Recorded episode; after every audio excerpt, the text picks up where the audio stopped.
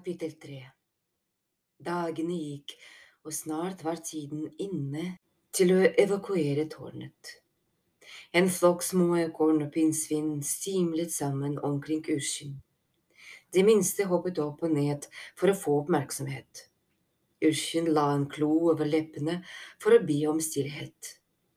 Nå, små oppdagere, sa han, har alle pakket sekkene sine? Er vi klare til å gå? De små dyrene kikket opp på ham og nikket alvorlig mens de holdt øye med ansiktet hans. Alle hadde en sekk på ryggen med en kappe, en drikkeflaske og noen små eiendeler, en kam, en leke, noen favoritting som de ville ta med seg til de nye hiene. Alle de små hunndyrene ville holde sepie i poten, og snart så det ut som hun hadde en pote rundt hver klo. Prins Eikeblad hjalp et bitte lite ekorn som stadig mistet remmen på sekken sin, ned fra skulderen. Er det kongen? hvisket et pinnsvin og neide. Nei, det er sønnen hans, svarte Urskinn. Er alle klare? Vi trenger noen som kan gjøre en helt spesielt jobb for kongen. Et tusen små poter kjøtt i været. Alle ekornene strakte seg opp og gjorde seg høye i håp om å bli lagt merke til. Det var visst alle sammen, sa prins Eikeblad. Vi har en kasse her med ting fra tårnet som må flyttes i sikkerhet.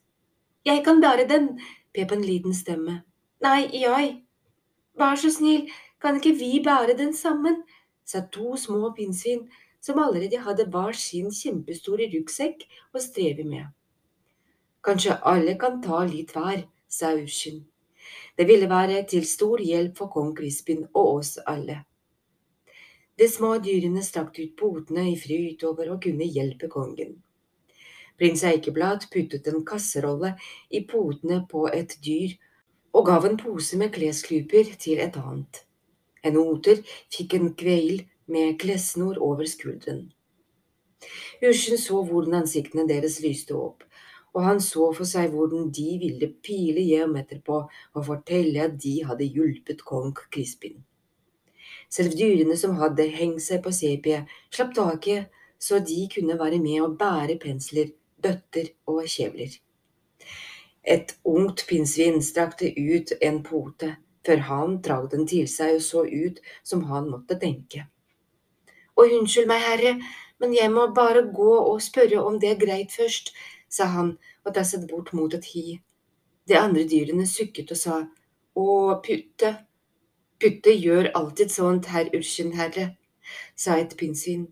Han må alltid spørre mammaen sin om det er greit før han kan gjøre noe som helst. Men det er jo for kongen, var det noen som sa. Hva kan være galt med det? La ham være, sa prins Eikeblad. Det gjør ingenting om han vil hjem og spørre mammaen sin først. Ja, herre, men så går han alltid og spør noen andre, klaget et ekorn. Noen andre? spurte Sepia. Hvem da? ville prins Eikeblad vite. Vet ikke, svarte ekornet, og så begynte dyrene å diskutere hvem det var mammaen til Putte alltid spurte om ting. De var blitt enige om at de ikke visste hvem det var, men at det i hvert fall ikke var pappaen til Putte, da Putte kom kravlende andpusten ut av hiet og sa at mammaen hans ikke var hjemme. Hun var sikkert i hiet til en venninne, men det gikk nok greit uansett. Det var bedre, sa Sepie. Nå trenger jeg noen som kan passe på melesikten. Har du lyst til å bære den, putta? Se der, ja, i begge potene. Frøken Knitre er svært redd for den. Endelig kom det lille toget seg av gårde. Putte gikk bakerst og holdt melesikten i varet som om den var kong Crispins egen krone. Nåle og Triple sluttet seg til dem sammen med enda en flokk dyr fra tårnet. Etter innhold i kurvene deres å dømme, ulgran i mange friske farger, så var de i gang med å rydde verkstedene. Pinnsvinet Myrtel og lillesøsteren hennes Firtel, en storrøyt liten flis av en pinnsvinunge, bar et sammenrullet bildeteppe mellom seg. I den ledige poten leide Myrtel et bitte lite pinnsvin som bar på et malerskrin. Han er lillebroren min, erklærte hun stolt. Hjertet bevare ham, lille pjukken, utbrøt Sepia. Han kan da ikke gå hele den lange veien alene. Vi kan bytte på å bære ham når han blir trøtt, sa Nåle. Men vi må være forsiktige, piggene hans er like spisse som mine. Lillebroren til Murtel stirret opp på Urkin. Han strekte seg på klosspissene for å hviske noe til Nåla, og hun bøyde seg ned for å høre.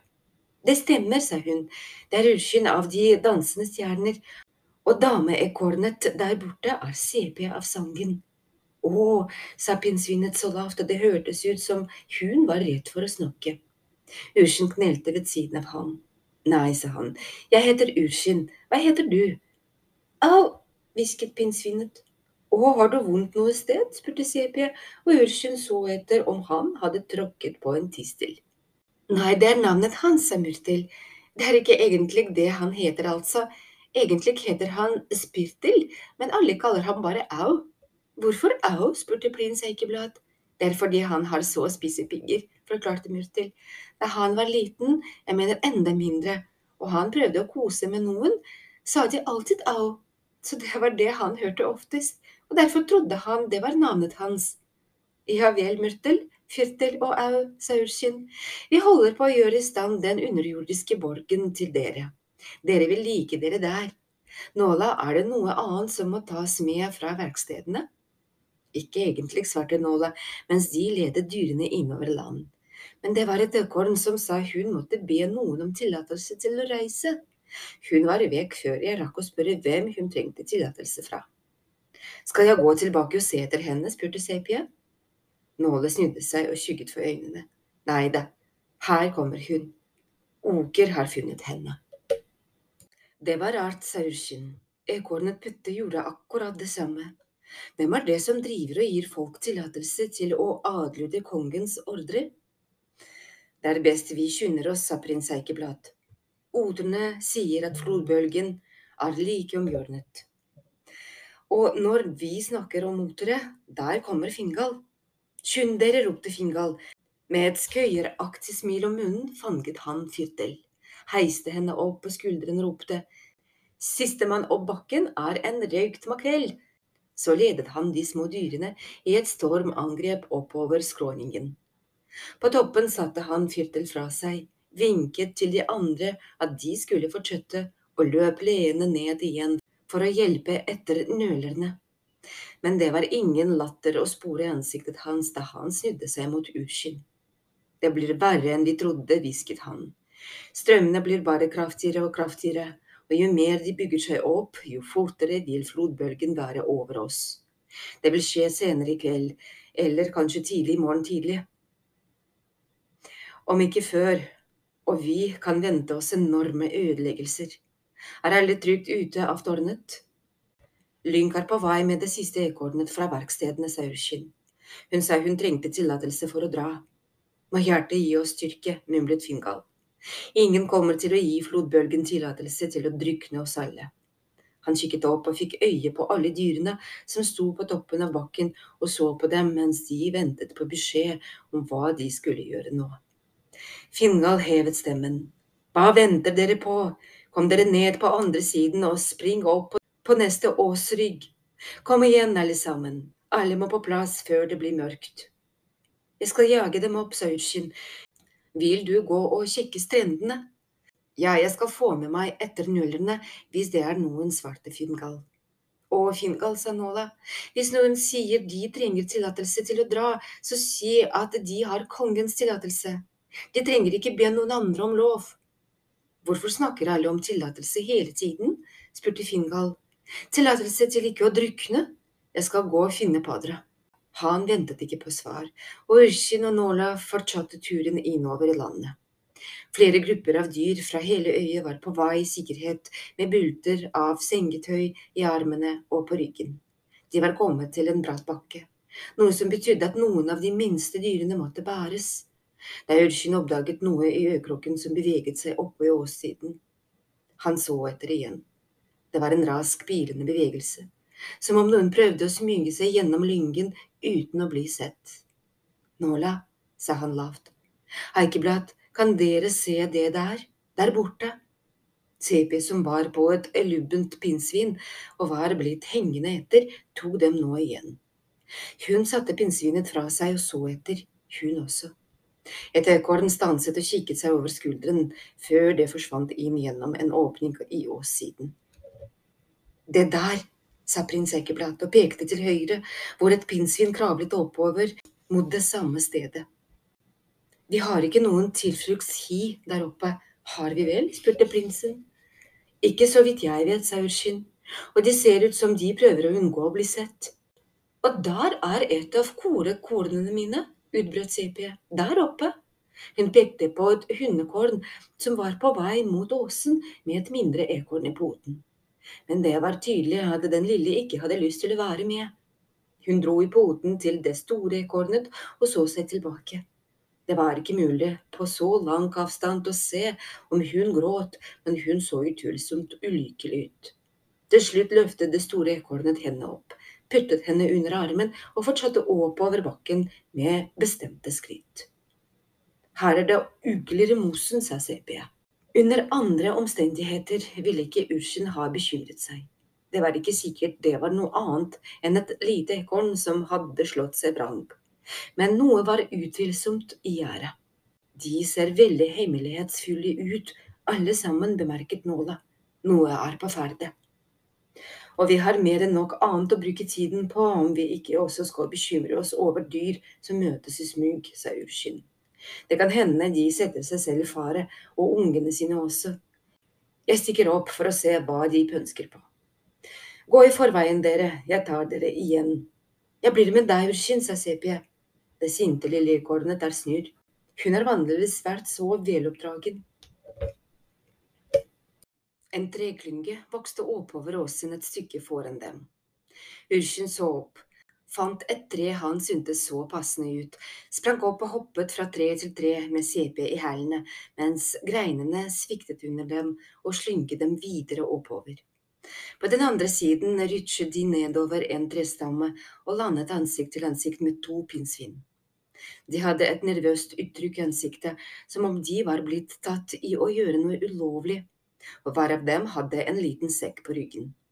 God ettermiddag, sa Ushin vennlig. Så dere er på vei innover i landet? De to pinnsvinene vekslet nervøse blikk. Det stemmer, sa den andre. Det ble stille en lang stund. Det er nok best vi kommer oss av sted, fortsatte han til slutt. De snudde seg for å tasse videre. Et øyeblikk bare, sa Urskin. Vi trenger å vite nøyaktig hvor alle befinner seg, i tilfelle noen blir savnet etter flodbølgen. Å ja, det går fint, sa det første pinnsvinet fort.